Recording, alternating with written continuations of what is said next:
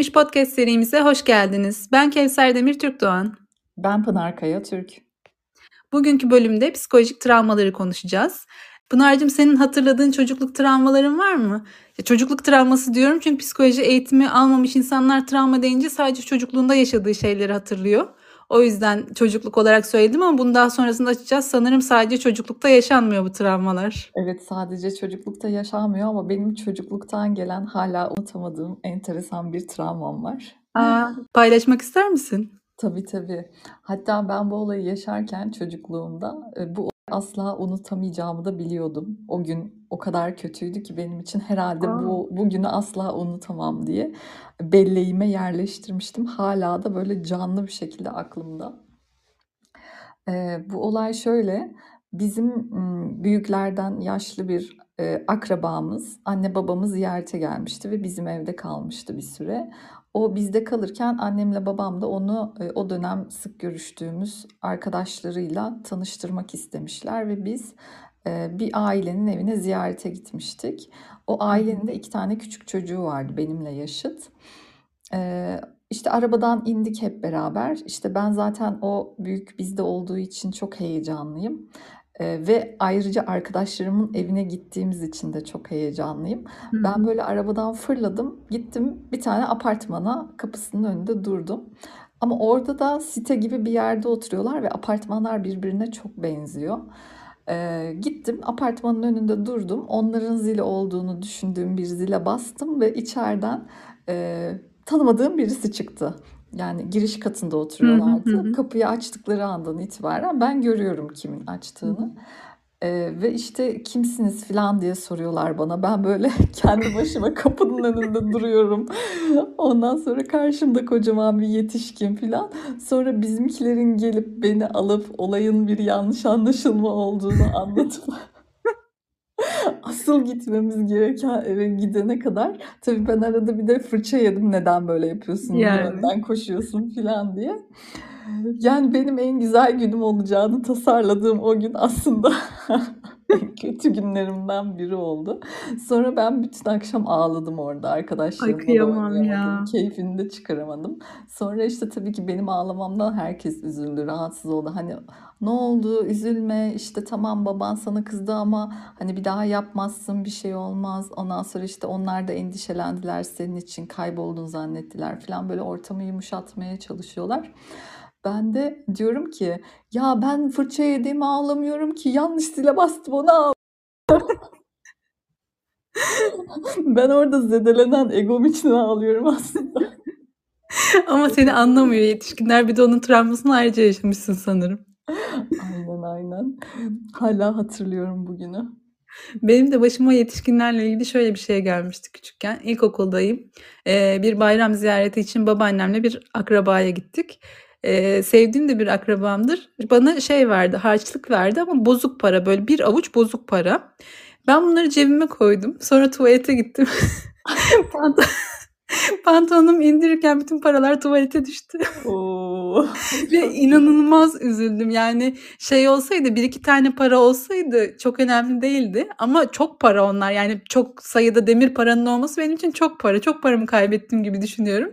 Ağlayarak çıktım tuvaletten. Ondan sonra beni yatıştırmaya çalıştılar orada. Sonra kadın gitti şey dedi tam önemli değil ben tekrar veririm deyip bana tekrar para verdi. Bu sefer şeye ağlamaya başladım. Düşürmeseydim paraları daha çok param olacaktı diye. Çok Ay. iyi. Böyle bir durumda ben de ağlardım herhalde. Ya şimdi komik geliyor da yaşarken çocuk için bunlar inanılmaz büyük yükler aslında. Aynen aynen. Benzer bir anım benim de var.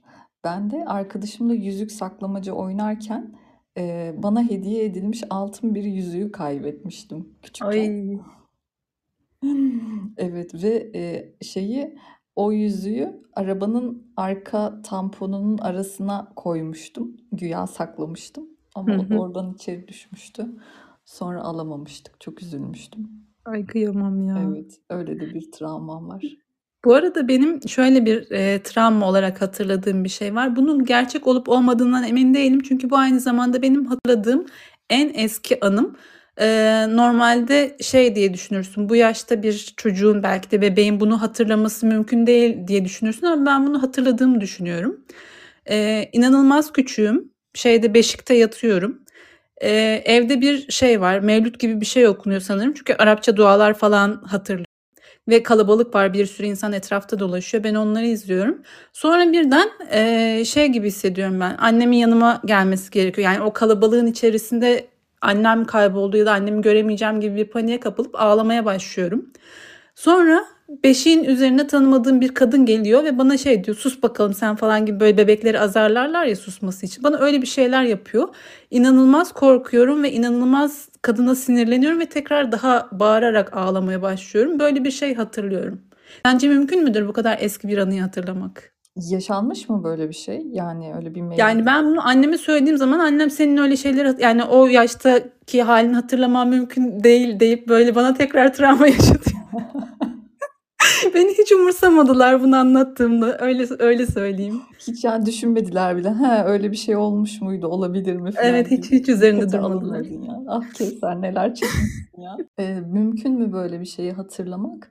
Şimdi 3 yaş öncesi semantik bellek dediğimiz işte sözel bellek gelişmemiş olduğu için yani o be- bellekle ilgili beyin bölgeleri tam anlamıyla aktive olmadığı için yaşadıklarımızı "He, şöyle olmuştu, böyle olmuştu diye e, sıralı bir şekilde hatırlayıp e, kelimelere dökmek zor e, hatta mümkün değil deniyor.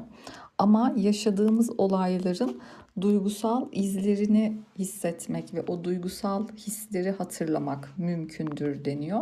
Ve sonrasında hatırladığımız o duygularla hala e, duygusal bellekte var olan duygularla bir olay kurguluyoruz, bir senaryo hı. yazıyoruz belki de hı. deniliyor. Bu, bunu bunu da düşünmüştüm. Bu da aklıma gelmişti. O yüzden çok olası görüyorum bunu. Ya çünkü yani hatırladığımdan çok eminim ama bir yandan da diyorum hatırlayamam herhalde. Bir de hatırlasam niye böyle bir şeyi hatırlayayım ama gerçekten orada inanılmaz bir e, korku yaşadığım için e, sanırım onun duygusu bana sindi ve ben onu bir şekilde şey yaptım. Üzerine böyle bir senaryo yazdım. Hı hı. Evet, yani orada bir şey yaşamışsındır mutlaka. Çok küçükken, bebekken duygusal Hı ola- hı. olarak çok korktuğun, annenden ayrı kaldığını düşündüğün, bir daha onu göremeyeceğini hissettiğin bir yoğun kaygı durumu yaşamışsındır. Ve o kaygıyı e, böyle bir senaryonun içerisine yedirmişsindir. Ya da gerçekten böyle bir olay yaşanmıştır. Ve sen onu hatırlıyorsundur. Bilmiyoruz yani o konuda Hı çok hı. net bir bilgi veri yok elimizde. Zaten çok küçük bebeklerle de bu tür araştırmaları yapmak pek mümkün olmadığı için Evet. net bir veri yok. Ama duygusal belleğin orada olduğu, hatta bedensel belleğin de yani beden bedeninde neler hissettiğinin de kayıtlı olduğu ama e, semantik belleğin henüz oturmadığını biliyoruz. Sonrasında yazılmış bir hikaye olabilir. Şimdi Pınar'cığım sürekli travma örnekleri verdik ama aslında e, travmanın ne olduğunu da konuşalım istiyorum. İstersen önce sen bir travmanın ne olduğunu anlat, neleri kapsadığını anlat. Sonrasında devam edelim yine. Hı hı. E, travma dediğimiz şey bizim kendi içsel kaynaklarımızla başa çıkamayacağımız kadar büyük olaylardır diye özetleyebilirim aslında. Bu yüzden bir olayın birisi için travma olması, öbürü için travma olmaması gibi farklı farklı durumlar söz konusu olabiliyor. Bir insanın içsel kaynakları daha güçlü olabiliyor ve o olayın üstesinden gelebiliyor. Hatta daha güçlenmiş bir şekilde çıkabiliyor o olayın içinden. Ama başka bir insanın içsel kaynakları zayıf olabiliyor ve oradan çok etkileniyor. O olayı anlamlandıramıyor. Onun altında kalıyor, eziliyor. Yani Hı hı. altında kaldığımız, ezildiğimiz, işlemleyemediğimiz olaylara travma diyoruz. Hı hı. Peki bu yaşadığımız travmalardan sonra etki hemen mi ortaya çıkıyor, yıllar sonra da çıkabiliyor mu? Ya da uzun süre biz bunun etkisinde yaşayıp e, karakterimizi bu doğrultuda mı şekillendiriyoruz? Hmm, güzel bir soru. Ee, ben İstanbul'dayken yoğun bir şekilde cinsel tacize uğramış çocuklar ve ergenlerle çalışmıştım bir dönem. Mesela travmanın çocukluk döneminde yaşandığı yani taciz, tecavüz olaylarının çocukluk döneminde yaşandığı ama sonrasında ergenlikle birlikte bu kişilerin terapiye başvurduğu ve yaşadıkları şeyin travma olduğunu yeni fark ettikleri durumları çok gözlemlemiştik mesela o süreç içerisinde. Yani yaşarken bazen insan ne yaşadığını bile bilemeyebiliyor ve hı. bastırma savunma mekanizmasıyla hani onu unutabiliyor bile yani hani böyle bir şeyin yaşandığını, eee, yok sayabiliyor, bastırabiliyor. Ama sonra belli uyaranlarla birlikte bu işte çevresel uyaranlar olabilir. Mesela bana başvuran ergenlerin bazıları, eee, izledikleri dizilerdeki cinsel içerikli sahneler ya da taciz, tecavüz sahneleri dolayısıyla tetiklenmişlerdi. Tabii ergenlik çağının doğası gereği cinsel dürtülerin uyandığı, cinsel merakın arttığı bir süreç. Burada yine içsel uyaranlarla tetiklenme de olabilir. Eee, çeşitli uyaranlarla içsel ya da dışsal tetiklendikten sonra travmatik malzeme açığa çıkabiliyor yıllar sonra bile. Ama yaşadığımız anda da yine travmatize olabiliyoruz ve onun etkisini yoğun bir şekilde hissedebiliyoruz. Mesela işte depreme maruz kalmak, göçük altında kalmak, sonrasında kapalı alanlara girememek, bir binanın içine girememek ya da araba kazası geçirdikten sonra arabaya binememek, araba kullanamamak gibi hemen akabinde de, eee, etkiler ortaya çıkabiliyor. Hı hı. Peki travma her zaman anlık bir şey midir? Yani saniyeler içinde oldu bitti ve bizim artık nur topu gibi bir travmamız var mı olur? Yoksa, eee, uzun süreli bir şey de travma sebebi olabilir mi? Örneğin işte bir çocuğun uzun süre, eee, bir yetişkinin kötü davranışına maruz kalması da bir travma travma mıdır? Hı hı. İkisi de olabilir. İkisi de travmatik etki yaratır. Biri kronik travma, diğeri de akut travma. Hımm. Eee, ikisinin de etkileri, emm, birbiriyle kıyaslanabilir. Mesela işte kronik travmanın etkilerinin çok daha kalıcı olduğu, değişmesinin çok daha zaman aldığı söylenir. Çünkü zaman içerisinde insan kişilik olarak, kimlik olarak şekillendiği için o travmaya maruz kalarak o travmatik etkiyi iyileştirmek daha uzun sürebilir. Daha yorucudur. Kişinin daha çok efor sarf etmesi gerekir ve temel düşünce kalıpları üzerine çok fazla çalışması gerekir. Ama akut travmalarda, eee, olay an içerisinde, belki saniyeler içerisinde yaşanıp bittiği için, eee, belki çok büyük çaplı bir dehşet durumu, anı yaşanabilir ama o büyük çaplı dehşet de, eee, hızlıca toparlanabilir. Yani ne kadar büyük olursa olsun etkisi kronik travmaya göre çok daha kısa sürede iyileştirilebilir, toparlanabilir. Çünkü kişinin yıllardır mesela zihninde belli başlı düşünce kalıpları var. Mesela ben kendi travmamdan örnek vereyim, başka bir travmam. Eee, sürekli toplu taşımayla, eee, yolculuk yapan bir insandım üniversitedeyken. Bir gün yine evimden çıktım, otobüse bindim ve okuluma doğru gidiyorum. Eee, ve her gün geçtiğim yol üzerinde bir patlama gerçekleşti. Eee, otobüs durdu, trafik durdu, insanlar dışarı çıktı, yaralananlar vardı herkes bir şokta. Eee, ve sonra, eee, durum sakinleşti. Belki bir 10 dakika, 15 dakika sonra biz tekrar arabalara binip yola devam ettik. Yani herkesin 10-15 dakika içerisinde yaşadığı dehşet verici bir olay vardı. Sonrasında, eee, bir şekilde hayatımıza devam etmek zorundaydık. Bindik, devam ettik. Benim algımda şöyle bir, eee, hasar bıraktı bu olay.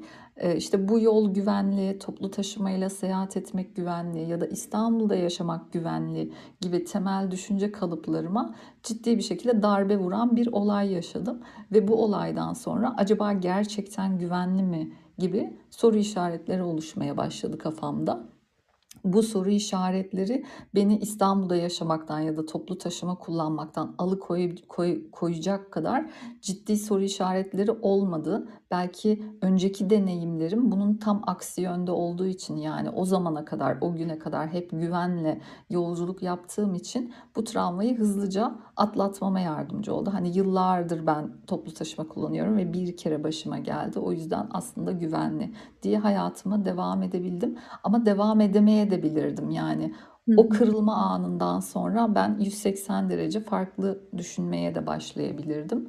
Çünkü büyük bir travmaydı. Hı hı. Ee, ve şey. o gün siz otobüsün içerisinde çok fazla kişiydiniz ve sen hayatını devam edebildin ama o gün seninle aynı otobüste olan kişiler belki edemedi ya da bazıları edememiş olabilir.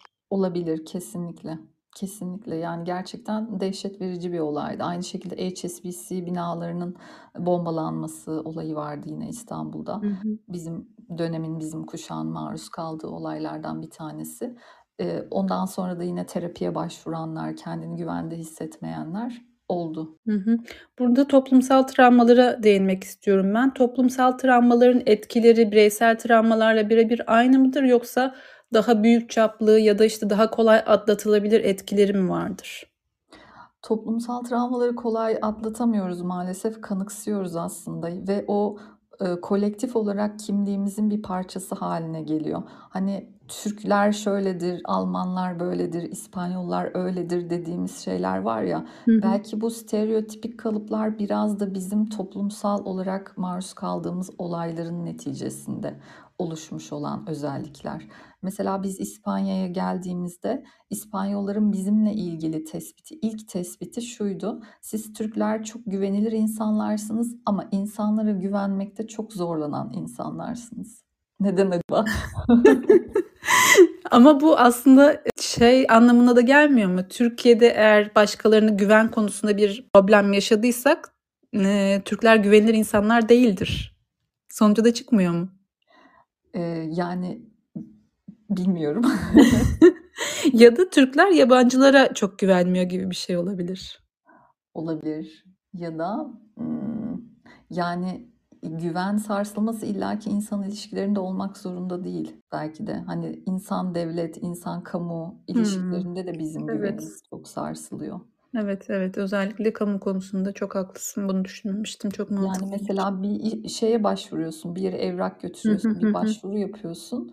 Hani biz sürekli onun peşini takip etmek zorundayız. Evet. Oldu mu, çıktı mı, ne oldu, alındı mı falan ya da şey gitti mi, mektup gitti mi, mail gitti mi, evrak ulaştı mı? Ama İspanyollar ha tamam gönderdim mi gönderdim gitti. Çünkü bununla ilgili herhangi bir travma yaşamamışlar öncesinde. Aynen. Yani bizde işte cezalar var. Ondan sonra o pro o olaydan dolayı bir problem yaşanırsa sen onu çözmek zorundasın. Evet, devlet hiçbir şekilde sorumluluğunu kabul etmez ya da bunu telafi edecek bir şey yapmaz. Aynen.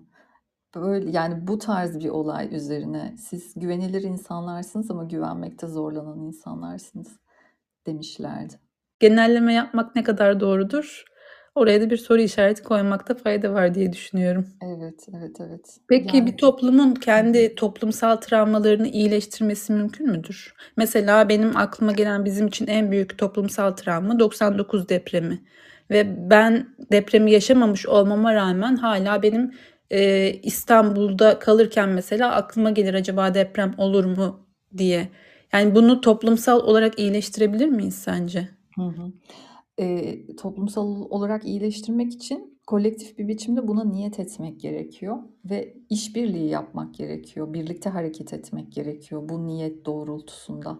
Hani bu tarz şeyler olursa tabii ki iyileştirilebilir. Neden olmasın? Hmm, yani deprem vergilerinin bir yerde toplanıyor ve sonrasında kullanılacak olduğunu bilmemiz lazım. Deprem toplanma alanlarının hala mevcut olması lazım gibi şeyler gerekiyor sanırım. Tabii yani yine böyle bir olay yaşarsak bundan az hasar alacağımıza inanabilmemiz lazım. Hı hı. Kesinlikle yapılan hazırlıklarla, altyapı çalışmalarıyla. Ee, ve sonrasında da eğer bu olaydan herhangi bir şekilde hasar görürsek güvenebileceğimiz kurumların olması lazım, uzmanların olması lazım, bir sistemin olması lazım. Böyle böyle iyileştirilir. Hı hı. Bu arada Türkiye ile ilgili benim şöyle bir inancım var. Ne olursa olsun şey vardır ya Gülben Ergen'in sözü. Unutmayın ki bana hiçbir şey olmaz diye bir söz vardır ya. Türkiye'yi ben öyle görüyorum. Yani kötü şeyler yaşayabilir ama bir şekilde üstesinden gelir ya da o işin içerisinden çıkar gibi bir algı var bende. Evet. Bunu neye bağlıyorlar biliyor musun astrologlar? Neye bağlıyorlar? Astrolojiye de buradan giriş yapalım. Hardcore bir şekilde. Şimdi sen Gülben Ergen'den açınca konuyu ben de mecburen astrolojiyle bağladım. evet benim suçum. e, Türkiye'nin Türkiye Cumhuriyeti'nin kuruluşunda yani işte kurulduğu andaki e, imzanın atıldığı andaki saati baz alarak Hı hı. Türkiye Cumhuriyeti'nin doğum haritasını oluşturuyorlar. Hı hı. İşte Mustafa Kemal Atatürk'ün Türkiye Cumhuriyeti'nin kuruluşuna dair işte o imzayı attığı an e, Türkiye Cumhuriyeti'nin doğum haritasını veriyor ve o doğum haritasının tepe noktasının yani işte haritanın en tepesinin artık böyle o devletin e, bir nevi kaderinin Ankar yıldızıyla bağlantılı olduğunu söylüyorlar. O yüzden başkentin Ankara olduğunu Hmm. söylüyorlar. Ve Ankara'nın da e, Anka kuşundan geldiğini, Ankar yıldızının da Anka kuşuyla bağlantılı olduğunu söylüyorlar. Anka kuşunun da özelliği biliyorsun küllerinden yeniden doğar. Hmm. Ne olursa olsun, ne kadar yanarsa yansın küllerinden yeniden doğabilen bir kuş. O yüzden hani ne olursa olsun Türkiye Cumhuriyeti çok daha güçlü bir şekilde o süreçten çıkacaktır der. Dibe vurursa olsun, vurursa vursun toparlanacaktır diyor astrologlar. Ben merak Evet, ben de öyle gözlemliyorum ama tabii bu travmatik olaylar yaşanırken de olan onu yaşayan kişilere oluyor maalesef. Aynen öyle. Ay zaten yaşanmasın ya. Hani yeterince toplumsal olarak travmatize olduk. Bireysel Evet. travmalarımız da var. Yani daha da bir şey yaşanmasın. Hani yaşanıyor ne güzel biz güçlü çıkıyoruz diye. Ay yok öyle bir algım yok ama e, bugüne kadar yaşadığımız şeylerde hep zaman zaman şey olur ya bu sefer bittik, yandık, öldük gibi Hmm. bir noktaya gelir. Ama bakarsın hiçbir şey olmadan devam ediyor olur ülke. Yani ben sürekli bunu gözlemlediğim için bana şey gibi geliyor. Ne olursa olsun Türkiye'ye bir şey olmaz gibi bir algı oluştu bende. Bu yaşıma kadar gördüğüm şeyler çerçevesinde söylüyorum bunu. Evet evet öyle görünüyor kesinlikle.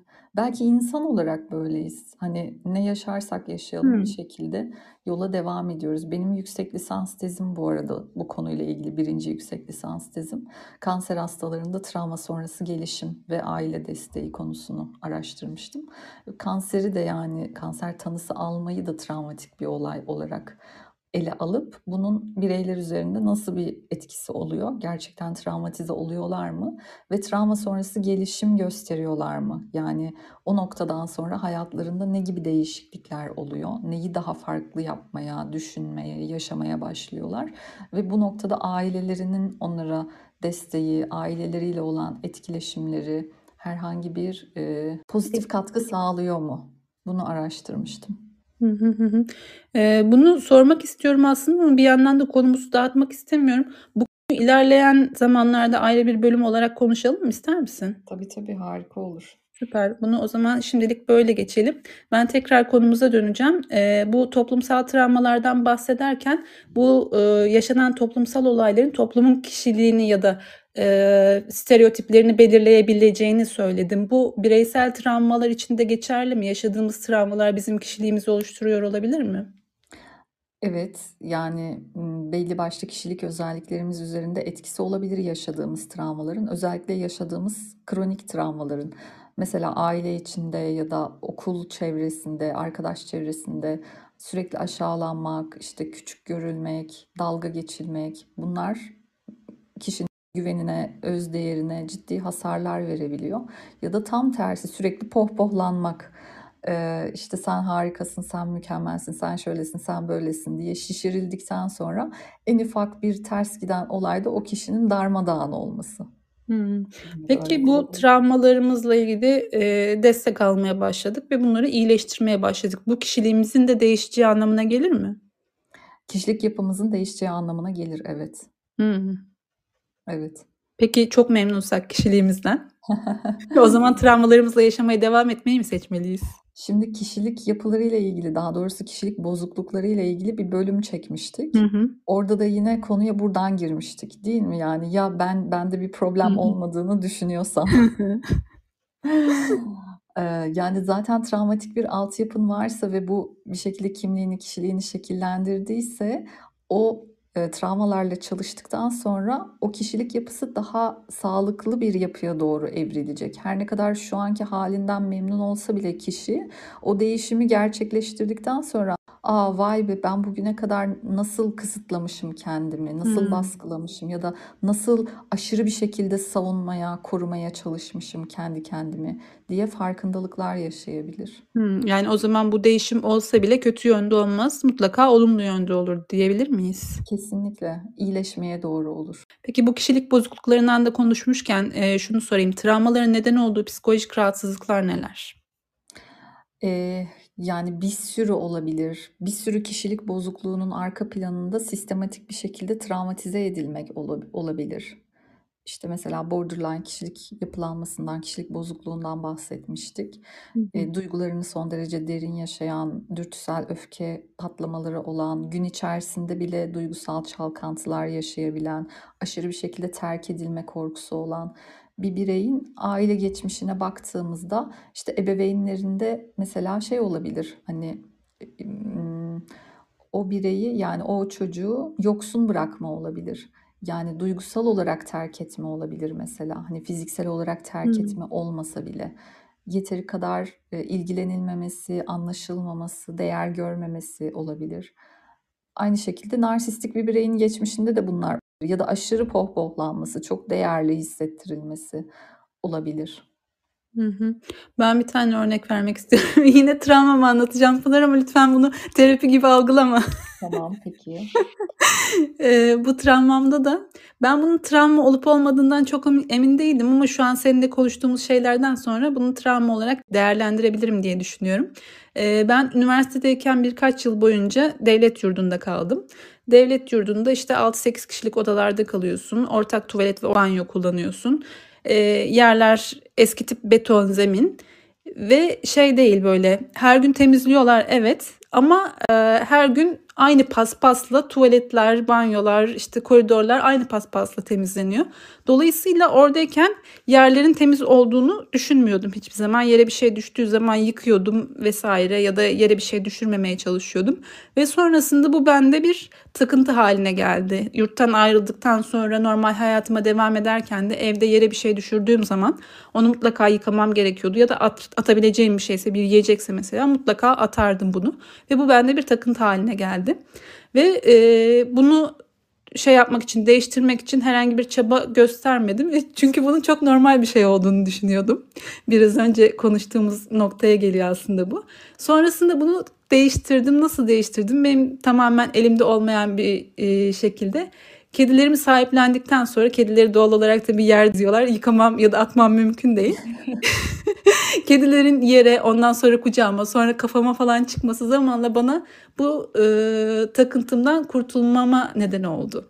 Hı hı. Yurtta yaşadığın bu travmayı yenmene yardımcı olmuş. Evet.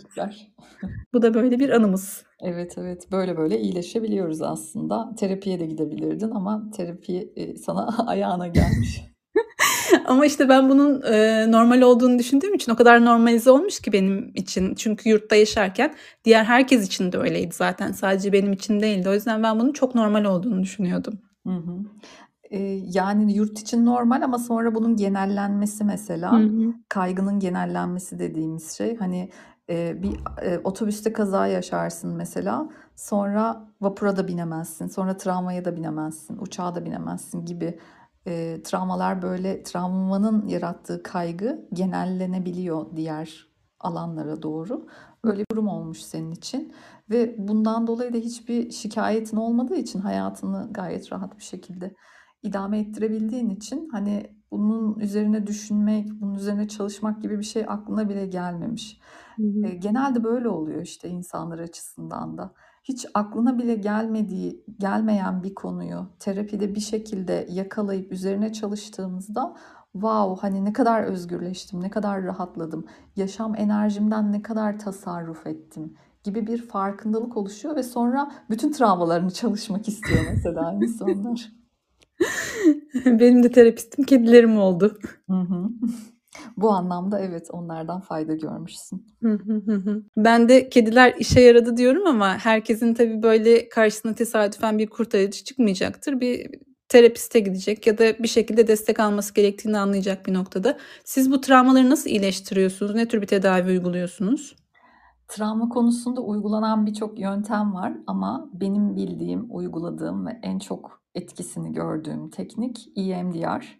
Aslında bir terapi yöntemi EMDR, teknik de değil. Hı Bir terapi yöntemi, kendi başına bir teorisi olan, bu teorinin üzerine kurgulanmış e, çalışma yöntemleri olan bir terapi yöntemi.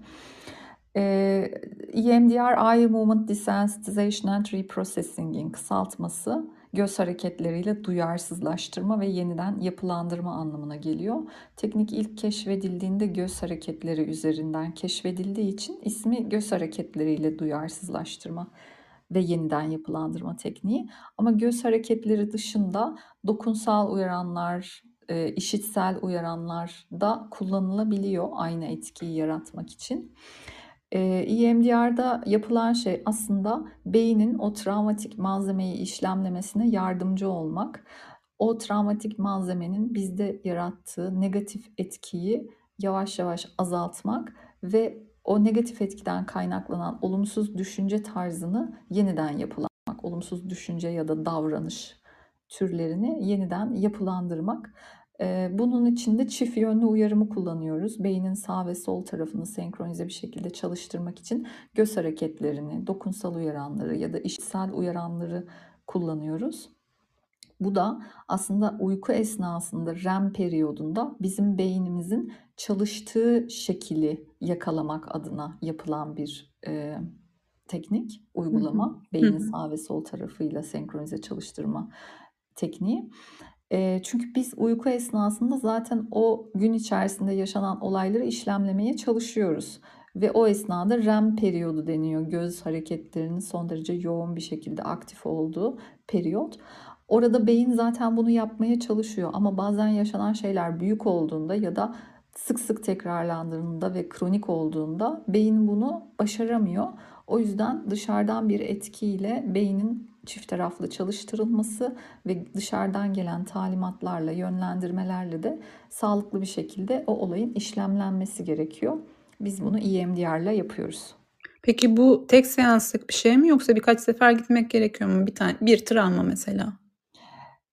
Yani travmanın boyutuyla ilgili bir travmayı bir seansta işlemleyebildiğimiz de oluyor. Bir travma için 10 seans yapmak zorunda olduğumuz oluyor.